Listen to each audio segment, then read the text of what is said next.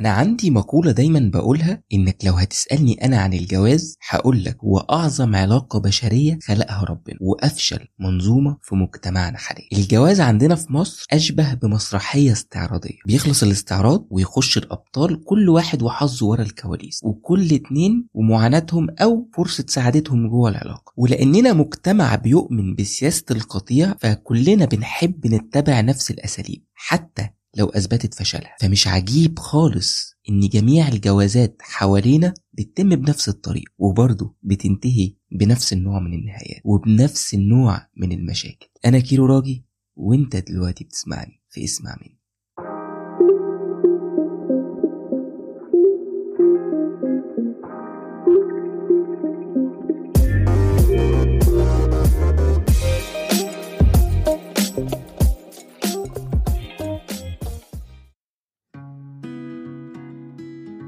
بصوا يا جماعة الكلام اللي هتسمعوه مني النهاردة مش هيبقى مألوف قوي ومش هيبقى على الهوا ناس كتير. بس اللي عارفني وبيتابعني وبيقرالي ومهتم بآرائي أو بالحاجات اللي بكتبها مش هيستغربها لأني ناقشتها كتير بشكل أو بآخر في مقالات في بوست حتى في كتابي اللي نزل لكني قررت النهاردة أجمعهم كلهم في حلقة في بداية الحلقة دي أنا مش بهاجم الجواز. الجواز ارتباط مخيف فعلا لأنه بيحصل بين اتنين هما في الحقيقة أغراب عن بعض. حتى لو فضلوا بيحبوا بعض أو مرتبطين أو مخطوبين لفترة طويلة بيفضلوا برضو ما يعرفوش بعض. والحقيقة إنها فكرة مرعبة إنك تدخل في علاقة مطلوب منك تكمل فيها بقية عمرك مع شخص واحد بعينه تربط روحك وحياتك بيه طول العمر. وتقرر تشاركه كمان في إنك تجيب بني آدمين صغيرين منك ومنه للدنيا. فأنا بشوف إن الجواز أو أنا بسميها كده مخاطرة شخصية وعاطفية ومعنوية ومادية. مفيش شك وبيحملك مسؤوليات وضغوط أنت ما تعرفش أنت هتبقى قدها ولا لأ وهتقدر تستحملها ولا مش هتقدر. ولو استحملتها هيبقى قد إيه؟ وتعال نبص كده نظرة سريعة مثلا عن الجواز حوالينا. هتلاقيه نوع من التلاتة جواز صالونات جواز عن حب أو صالونات عن حب. وده اللي بيبقى بداية التعارف صالونات عادي بس حصل بينهم مشاعر أو حب. ومهم ما تزعلش إذا كنت مقتنع بده أو بده أو بده فكلهم يعني يا عزيزي بيودوا لنفس النتيجة. وتعددت الأسباب في مجتمعنا ونهاية الجوازات واحدة. ومن تحليلي الشخصي إن الجواز في مصر دلوقتي بيعدي بمراحل واحدة ثابتة تعارف أو حب خطوبة جواز فرح شهر عسل محكمة الأسرة. دي مش نظرة تشاؤمية ده واقع أعتقد كل اللي بيسمعني عارفه لو ما كانش مجربه يعني. وعشان أثبت لكم كلامي تعالوا هنا بالمناسبة أقول لكم شوية أرقام. في 2020 الجهاز المركزي للتعبئة والإحصاء طلع تقرير بأنه عدد عقود الجواز 880 ألف واحد تقريبا. ده الموثق طبعا. حالات الطلاق بقى 226 ألف بمعدل حالة طلاق كل دقيقتين. يعني شوف بقى أنت عبال ما نخلص الحلقة دي هيبقى في كام راجل وست الطلاق. بس لو قارنت نسبتين ببعض هتكتشف إن تلت اللي بيتجوزوا وده اللي مثبت برضه بيتطلقوا. فالجواز في مصر وناس كتير بدأت تشوف كده للأسف إنه مشروع فاشل ومغامرة نهايتها محتومة بالفشل وبالمشاكل. هل ده عشان الجواز وحش؟ لا طبعا. عشان إحنا بنتجوز غلط. ولو ركزت في الصورة هتلاقي الجواز ملوش دعوة بدينك إيه. المسيحيين والمسلمين في مصر بيتجوزوا بنفس الطريقة وهي التقاليد والأعراف.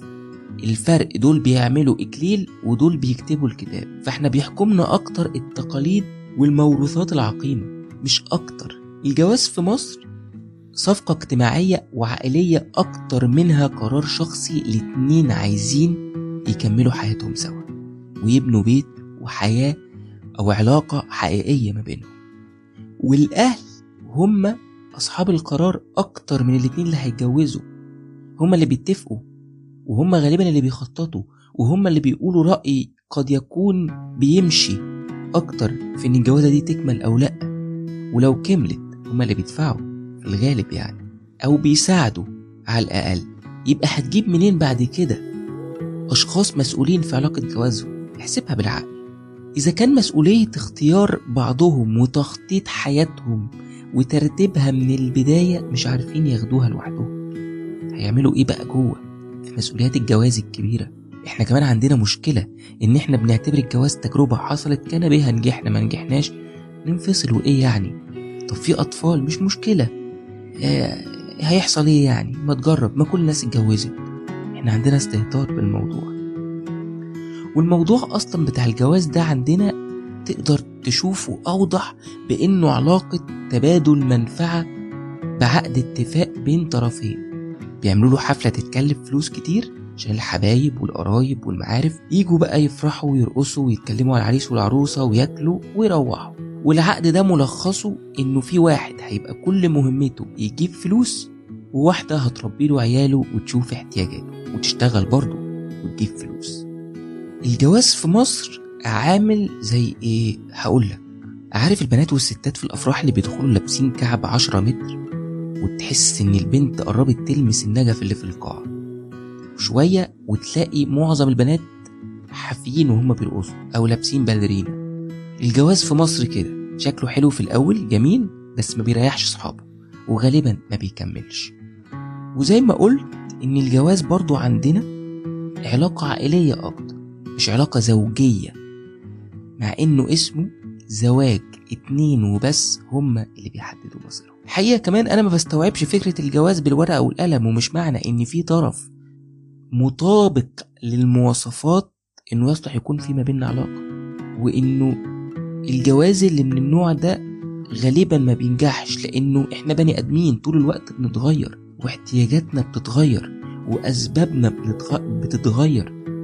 والمناسبة نجاح الجوازات في مجتمعنا ما بتتقاسش بهي مكملة ولا لأ لأن في جوازات كتير مكملة وهي فاشلة.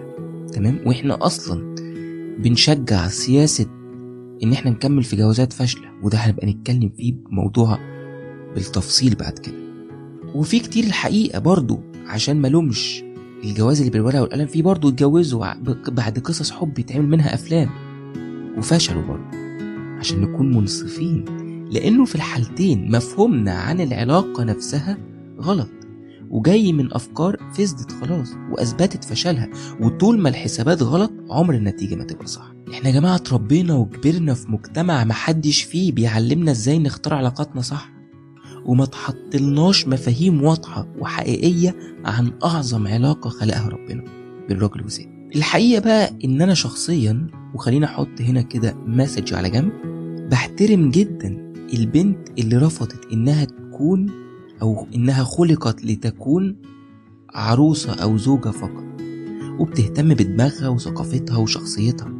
فتعرف قدام تبقى زوجة وأم حقيقية. وفي رجالة الحقيقة بتعرف تبني مستقبلها وما بيتعاملش مع نفسه على إنه بنك.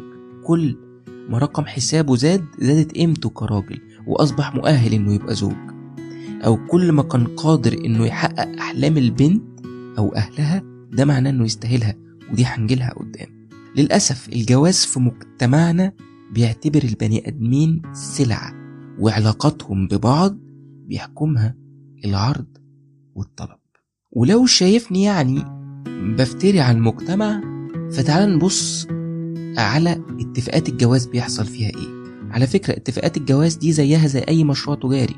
بنشوف تكلفته كام وحجم مكاسبنا منه إيه وإزاي نضمن حقوقنا بين قوسين المادية وقت خسارة المشروع ده. وده بتبتدي مثلا بمقابلات العرسان. ميعاد كده بياخدوه الأهل أو بمساعدة طرف تالت بيحاول يوفق رصين في الحلال أو بيلبسهم حسب الحظ والنية. المهم المقابلات دي بينزل فيها الاتنين بيقولوا إنهم هيتعرفوا على بعض.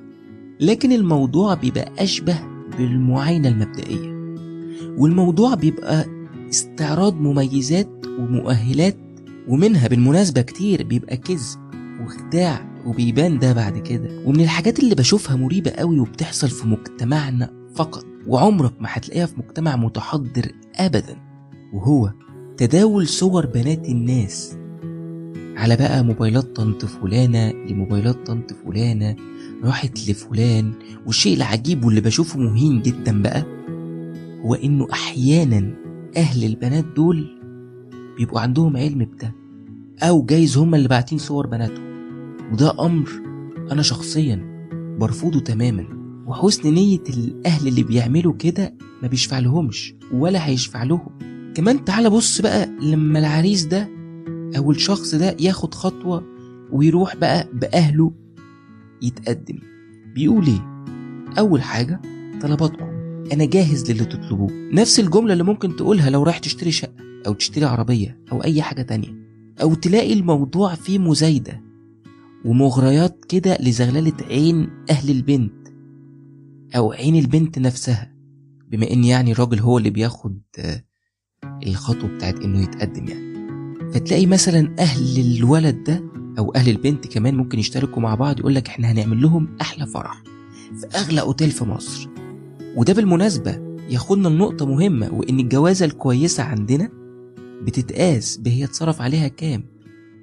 أيوه يعني هو ده ضمان نجاح الجوازة يعني؟ ده ضمان للسعادة؟ طب ما كتير قوي عملوا أفراح ولميه واتطلقوا بعدها عادي. تعال بقى لنقطة تانية. تلاقي الموضوع يقول لك طب إحنا بقى هنعمل كذا وإنتوا هتعملوا كذا. فيجي في النص حتى لو الاتنين الولد والبنت متوافقين وما عندهمش مشاكل تلاقي الأهل مثلا اختلفوا على مساحة الشقة على لون السجاد على آه مين هيجيب التلاجة مين هيجيب الغسالة. وهكذا يعني. أعتقد كل الناس عارفة التفاصيل دي. أنتوا متخيلين إيه اللي بيحكم مصير جواز البني آدمين؟ ما تتجوزوا يا جماعة بأي حاجة. ما تتجوزوا. لو أنتوا مبسوطين اتجوزوا. لو أنتوا متوافقين اتجوزوا. وخلي بالك أنا ما قلتش بس بتحبوا بعض أنا قلت متوافقين. الحب في الجواز وحده لا يكفي. وبعدين هل كل المعطيات المادية دي مهما كانت عظمتها وجمالها هل هي ضمان؟ إنه يصون بنتكم أو هي تسعده؟ طب تعال نخش المعتقد تاني بقى وإنه كل ما الراجل يجيب ذهب أغلى لبنتهم يبقى شاريها. طيب أنا هحط نفسي مكان العريس. أو الشخص اللي داخل يتقدم ده. كمثال يعني. إيه دليل حضراتكم كأهل؟ لو أنا جبت لها قصر تعيش فيه بس معرفتش أحافظ عليها. أو هنتها أو خنتها. كمان ما تيجوا نتكلم بصراحة أكتر. أنا عايز أشوف راجل واحد عقد الجواز ألزمه يكون راجل حقيقي سواء في جوازه أو حتى وهو بيطلق. بصوا حواليكم. العقود والقايمة والذي منه ووصولات الأمان اللي بتتمضي والحاجات اللي الناس كلها عارفاها ده معناه إنه اللي داخلين يجوزوا أو يعملوا علاقة أعظم علاقة خلقها ربنا دول أصلا مش ضامنين بعض. ناس مخونين بعض من الأول ناس شاكين في نواياهم تجاه بعض. أنا مش عايز أقول أنا مع ده أو ضده أنا بقول وجهة نظري. ما بفرضهاش على حد كل اللي بقوله تقدر تفكر فيه وتوزنه على عقلك. كمان بتحس إن الجوازات عندنا أكتر إنها مقارنات اجتماعية وكأنها مزاد. آه، شوف فلان عمل فرحه فين. لا إحنا لازم نعمل فرح أحلى. شوف فلانة قريبتها جوزها جاب لها شقة فين. فإحنا لازم نجيب شقة أحلى منها وأكبر منها وفي منطقة أرقى منها. شوف فلانة أو أختها جالها شبكة قد إيه أنت لازم تعلي عليهم وهكذا. مش محتاج استفيض يعني في الموضوع ده؟ كل الحاجات دي أنتوا عارفينها. كمان تعالوا نبص على المعايير اللي بنقيس عليها الراجل والبنت أو الشاب والبنت. الراجل بيجي تقييمه في الغالب من إعجاب أهل البنت بيه. وغالبا ده بيبقى بناء على حاجات واضحة ومعروفة. زي بيشتغل إيه؟ دخله كام؟ آه عنده شقة؟ مساحتها قد إيه؟ شهادته إيه؟ عيلته مين؟ أما البنت فتقييمها بيجي من الراجل نفسه ثم السيدة الفاضلة والدته. وده بناء على معايير ثابتة عند معظم الرجالة في مجتمعنا. وشوية ملاحظات كده يعني سنها كام؟ وتحديدا بينها وبين التلاتين قد إيه؟ لأنه التلاتين ده طبعا زي ما كلنا عارفين سن بيشكل أزمة للبنت. عدد علاقاتها يعني اتخطبت كم مرة؟ ده طبعا المعلن والرسمي منها. ودي عاملة كده أنا دايما بشوفها عاملة كده زي عداد الكيلومتر لما بتيجي تشتري عربية مستعملة. فغالبا بيبقى مش كله طبعا في أهالي محترمة بس غالبا يعني اللي بيفكروا بالمنتاليتي دي بيبقوا لاعبين في العداد. ثم وده الأهم شكلها ودرجة جمالها الخارجي جسمها وده كمعاينة زي ما قلنا مبدئية كده. وفي بقى الحقيقة نقطة مستحدثة في آخر كام سنة ودي عجيبة جدا بقى. وهي البلدي كده البنت دي بتقبض أو دخلها كام للأسف؟ وتعالى كده اسأل معايا أي أهل عن رأيهم في شخص متقدم لبنتهم هتلاقيهم بيحكولك عن شهاداته عيلته إمكانياته.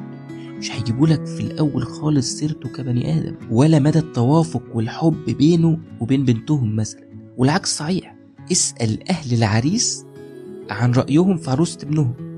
هتسمعهم بيقولوا حاجتين إنها زي القمر وإن ما كانش ليها علاقات سابقة. قطة مغمضة يعني زي ما بيقولوا. وطبعا لو سنها قبل ال 30 زي ما قلنا ده بيضيف لمميزاتها لحد هيجيب لك سيرة شخصيتها في الأول ولا دماغها ولا نجاحها في شغلها ولا أي حاجة. وتلاقي كمان تقييمات غريبة. يقول لك بنتنا مهندسة لازم تاخد مهندس أو دكتور. أو بنتنا دكتورة لازم تاخد دكتور زيها. أو بنتنا معاها دكتوراه وهو هيلا معاه ماجستير فتلاقي بقى اللي واخد بكالوريوس زي حالاتي كده يحس إنه غلبان وبره التصنيف ما ينفعش. وأحيانا بيبقوا الاتنين مش متوافقين بس الأهل مبسوطين مع بعض أو بينهم مصالح فيجوزوه. أو تظهر مشاكل جوهرية في الخطوبة مثلا وتسمع بقى كلام من نوع اتجوزوا أنتوا بس وكل المشاكل دي بعد الجواز هتختفي. بعد الجواز هتعرفوا بعض وجايز تحبوا بعض. عارف نظام زق معايا جوازة؟ عارفين محمد هنيدي الإفيه بتاع زق معايا اليوم هو بالظبط كده. جوازة معصلجة بس إحنا عايزين نزقها تمشي لأجل المصالح. والراجل تحديدا معلش بروح لحتة الذكورية بيتقال عنه إنه في الجواز ما يعيبوش غير جيبه. مادام قادر يفتح بيت يبقى زي الفل نديله بنتنا. فتح البيت ده طبعا كلنا عارفين إنه المقصود بيه القدرة المادية على فتح البيت. ما بننكرش أهميتها. لكن ما ينفعش تكون أولوية. يعني فكرة بقى هنقول إنه هيصونها ويحبها وهيسعدها كل دي أمور فرعية مش مهمة. المهم نستر البنت. وده ياخدنا بقى لأغرب المعتقدات والبدع اللي بتتقال عن الجواز عندنا. يقول لك شر ولابد منه. أيوه يعني أنت كده المفروض بتطمني عشان أتجوز. حاجة غريبة. أو الجملة الأشهر بقى الجواز زي البطيخة. طب الحقيقة إنه مش بطيخة ولا حاجة واللي قافش قوي في موضوع البطيخ يتفضل هو بالهنا والشفا على قلبه هو يعني. كمان يقول لك البنت ملهاش غير بيتها وجوزها. بس الحقيقة بقى إنك لما تفتح عينك وتشوف التجارب بتاعت الناس حواليك هتشوف عكس كده. الحياة حوالينا ورتنا إن البنت بقى ليها غير بيتها وجوزها ليها شغلها لما بيطلقها ويرميها بمسؤوليات ولادها ليها بيت أهلها اللي غالبا بيقويها بعد الطلاق أو أهلها دول اللي بيشيلوا شيلة ولادها معاها. لما هو بيرميها. ليها مستقبل وحياة لازم تفكر فيهم لأن الدنيا والحياة مش مضمونين. يقول لك كمان الحب نهايته الطبيعية الجواز. طيب ما تمشيش معاكوا تكملة الحب الجواز؟ يعني ينفع نتجوز ونكمل بنحب بعض؟ طب لما ينتهي الحب بعد الجواز نعيش مع بعض؟ بنعمل إيه؟ بنربي العيال وإحنا تعسى ومجبرين؟ أو نتطلق بمشاكل؟ حاجة يعني مريبة قوي يقول لك مثلا الجواز ده استقرار. ودي فيها بقى كلام كتير لأنه حرفيا في جوازات كتير نسفت استقرار حياة صحابها ودمرتهم حرفيا. أو يبيع لك الوهم بإنه يقول لك الجواز ليه قطر لازم تلحقه قبل ما يفوتك. وتلاقي حرام في ولد أو شاب وبنت بيجروا بكل سرعتهم وبيعملوا كل المحاولات ويقبلوا بأقل ما يستحقوا لمجرد بس بإنهم يتشعبطوا في القطر. مش مهم خالص لو رجليهم جت تحت القطر والقطر ده عدى عليهم وفرمهم وده بيحصل كتير. كمان من الشائع في مجتمعنا يقول لك إنه البنت الأحلى هي اللي تتجوز أسرع أو الأشطر. يقول لك دي اتخطفت والعرسان كانوا عليها طوابير. أو يقول لك الراجل ده شاطر والبنت دول شاطرين اتجوزوا بسرعة. والحقيقة بقى إنه الشاطر في الحياة مش اللي اتجوز الأول وخلف أسرع الشاطر هو اللي نفد بجلده. من حياة تعيسة في مجتمع بيقول للناس اتجوزوا وخلفوا وافشلوا ما يهمكمش. المهم تتجوزوا. كمان بما إن إحنا لسه بنتكلم في المعتقدات اللي تخص البنت يقول لك ظل راجل ولا ظل حيطه بس الحقيقة يا جماعة إنه في رجالة بعد الجواز دلوقتي بيبقوا حيطة مايلة عادي. كمان يقول لك إنه زي ما شرحنا في النقطة اللي فاتت إنه كل ما العريس دفع أكتر أو جاب شبكة أغلى كان دليل إنه شاري البنت أكتر. وكل ما كان مقتدر ماديا أكتر بقى هو الأحق بيها. وكل ما كان الفرح أجمل زي ما قلنا كانت الجوازة فرصة نجاحها أكبر. كل دي معتقدات. كمان يقول لك ودي بقى بدعة شائعة تماما. الجواز اسمه ونصيب. لا للأسف. الجواز اختيار. هو بيقع بس في نطاق معرفة ربنا المسبقة لأفعالنا لكن مش مكتوب عليك ولا إحنا مسيرين فيه. طب يا سيدي هو لو نصيب ربنا هيديك انت الفرصة تغير اللي كتبوا عليك فكر فيها دي شماعة خايبة. اللي ممكن يبقى نصيب أو قدر يعني بس هو إنك تقابل الشخص اللي يناسبك كل الأقوال المقصورة اللي إحنا قلناها دي خرجت من نطاق إنها مثل شعبي أو دعابة كده وبقت نصايح بتتقدم وقت اللزوم وقواعد علمية بنبني عليها حياتنا. وتعال نشوف برضو ناخد لفة تانية كده للأسباب بقى اللي الناس بتتجوز عشانها عندنا. بيحصل في مجتمعنا فقط الجواز لأسباب ملهاش أي علاقة بالجواز كما خلقه ربنا. يقول لك مثلا أنا ألحق أعمل لي بيت وأجيب لي حتة عيل أو أنا هتجوز عشان نفسي أبقى أم. مين أبوه أو مين الأب اللي هتختاره لولادها مش مهم. أو يتجوز عشان يقول لك أنا حصول نفسي أصل الحرام وحش. بس هو بعد الجواز بيخون مراته عادي. ده مش حرام طبعا زي ما كلنا عارفين. أو تلاقي حد يقول لك أنا خلصت جامعة وسافرت واشتغلت وجمعت شوية فلوس مش ناقصني بقى غير بنت الحلال. أيوه دي زي وإحنا عيال كده ناقص لي صورة وأكمل الألبوم وأكسب. الجواز يا جماعة مش مرحلة بعد الجامعة خالص. أنت تتجوز لما تلاقي حد مناسب. وتكون مؤهل أنت كمان أصلا ومستعد للعلاقة دي بمسؤولياتها. وحط مليون خط تحت مسؤولياتها. ومسؤولياتها دي ما أقصدش بيها الماديات. مسؤولياتها انسانيا عاطفيا عن الشخص اللي معاك مش حب يعني ولفلفه لأ. في بني آدم أو بني ادمه عايشة معاك أو عايش معاكي أو مسؤوليات الحياة وتحدياتها عموما أو مسؤوليات ولادكم اللي هتجيبوهم وتربيتهم. الجواز مسؤوليات كبيرة جدا ده ممكن نبقى نعمل لها حلقة بعد كده. أو في ناس بتتجوز علشان ضغوط اللي حواليهم أو ضغوط أهاليهم أو ضغوط المجتمع أحيانا.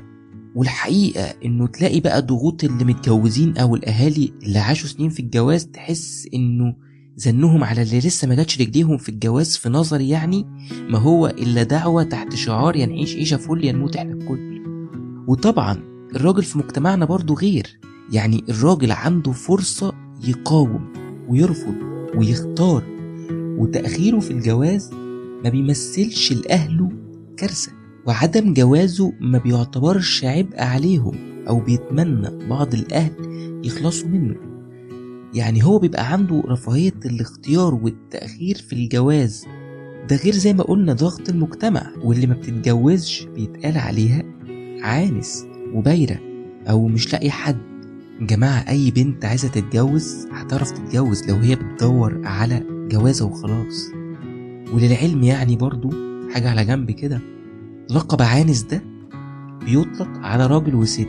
ممكن أكون أنا وضحت ده في كتابي يعني بالتفصيل ولكن هو لقب بيطلق على أي حد راجل أو ست زي ما قلت تخطى سن جواز معين بيحددوا المجتمع اللي هم فيه.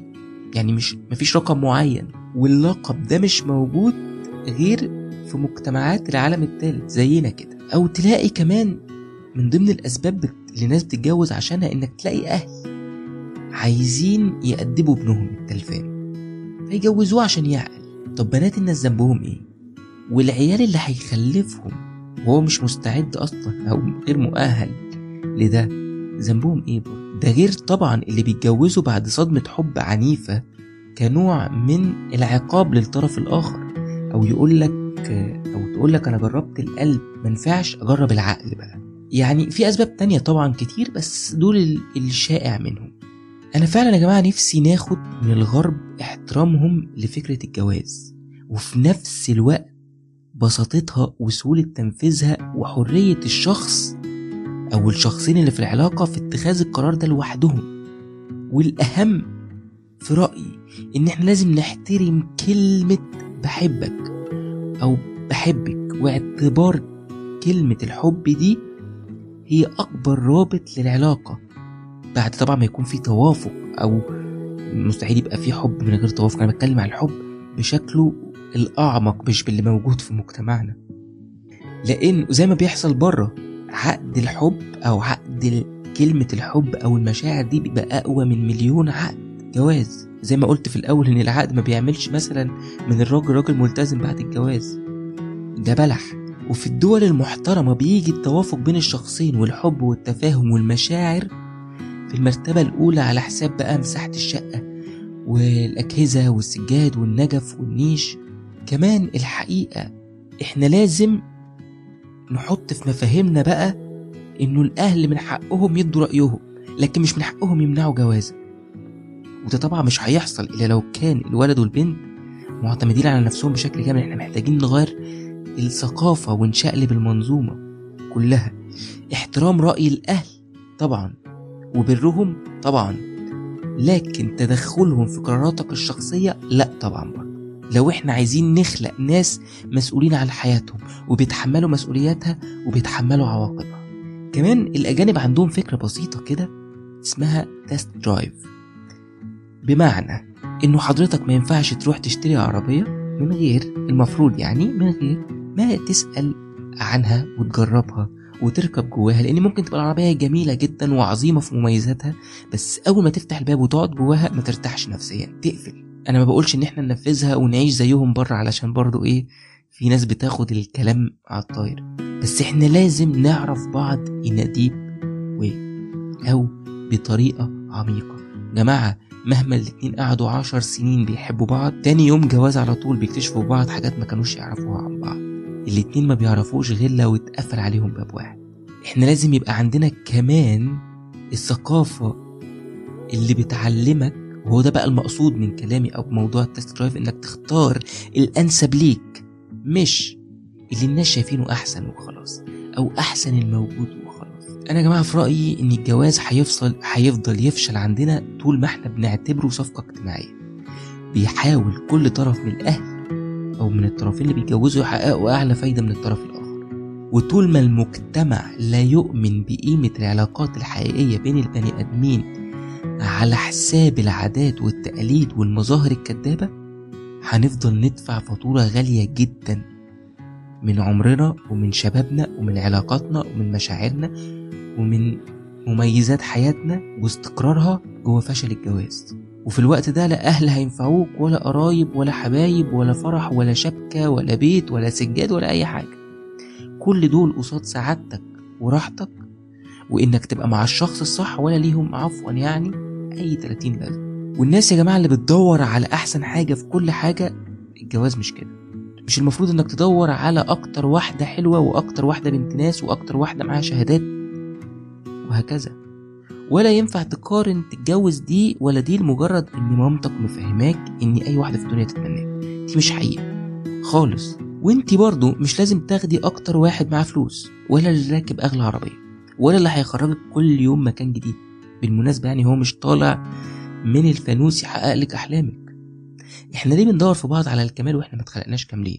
ليه ما بنختارش اللي شبهنا اللي متوافقين معاه؟ اللي بنحبه اللي هنعرف نعيش سوا اللي عندنا نفس المبادئ نفس المعتقدات بنعرف نقف على أرض ثابتة سوا أو نعرف نعيش معاه. لما يتقفل علينا باب واحد ليه مكتفين روحنا بعقد وحاطين لنفسنا حدود بنجري ونضغط نفسنا بيها؟ أصدمكم يا جماعة أغلب اللي اتجوزوا بدري زهقوا بدري واتطلقوا واكتشفوا أصلا إن مش ده الشخص اللي كان المفروض يبقوا معاه. وعشان نطلع من الحلقة دي بحاجة ما يبقاش كلامي للهجوم وخلاص. فهقول لكم جزء صغير من كتابي الأخير كنت برد فيه على السؤال بتاع نتجوز إمتى. اتجوزوا لما تتأكدوا إنها مشاعر حقيقية مش مجرد احتياج من أي نوع. وإنكم مش واقعين تحت ضغط اهاليكم أو المجتمع. اتجوزوا لما تتأكدوا إن امه ربته على إن بنات الناس مش لعبة وإن أمها ما زرعتش فيها إن الجواز ده زي سفر الخليج زمان هتأمن بيه مستقبلها ويا ريت ما تاخدوش علاقة أهاليكوا ريفرنس تبنوا عليه حياتكم. هما بني آدمين كان ليهم حياتهم وزمن وظروف تانية غيركم. اتجوزوا لما تلاقوا الشخص المناسب ليكوا. بلاش تستنفذوا طاقتكم ومشاعركم على الفاضي واستوعبوا إن الجواز حياة مشتركة. هي مش هتربي العيال لوحدها ولا هو كل وظيفته في الحياة يجيب لك طلباتك الجواز مش رحلة طالعينها. انبسطنا فيها كان بها ما انبسطناش هنلم حاجتنا ونرجع.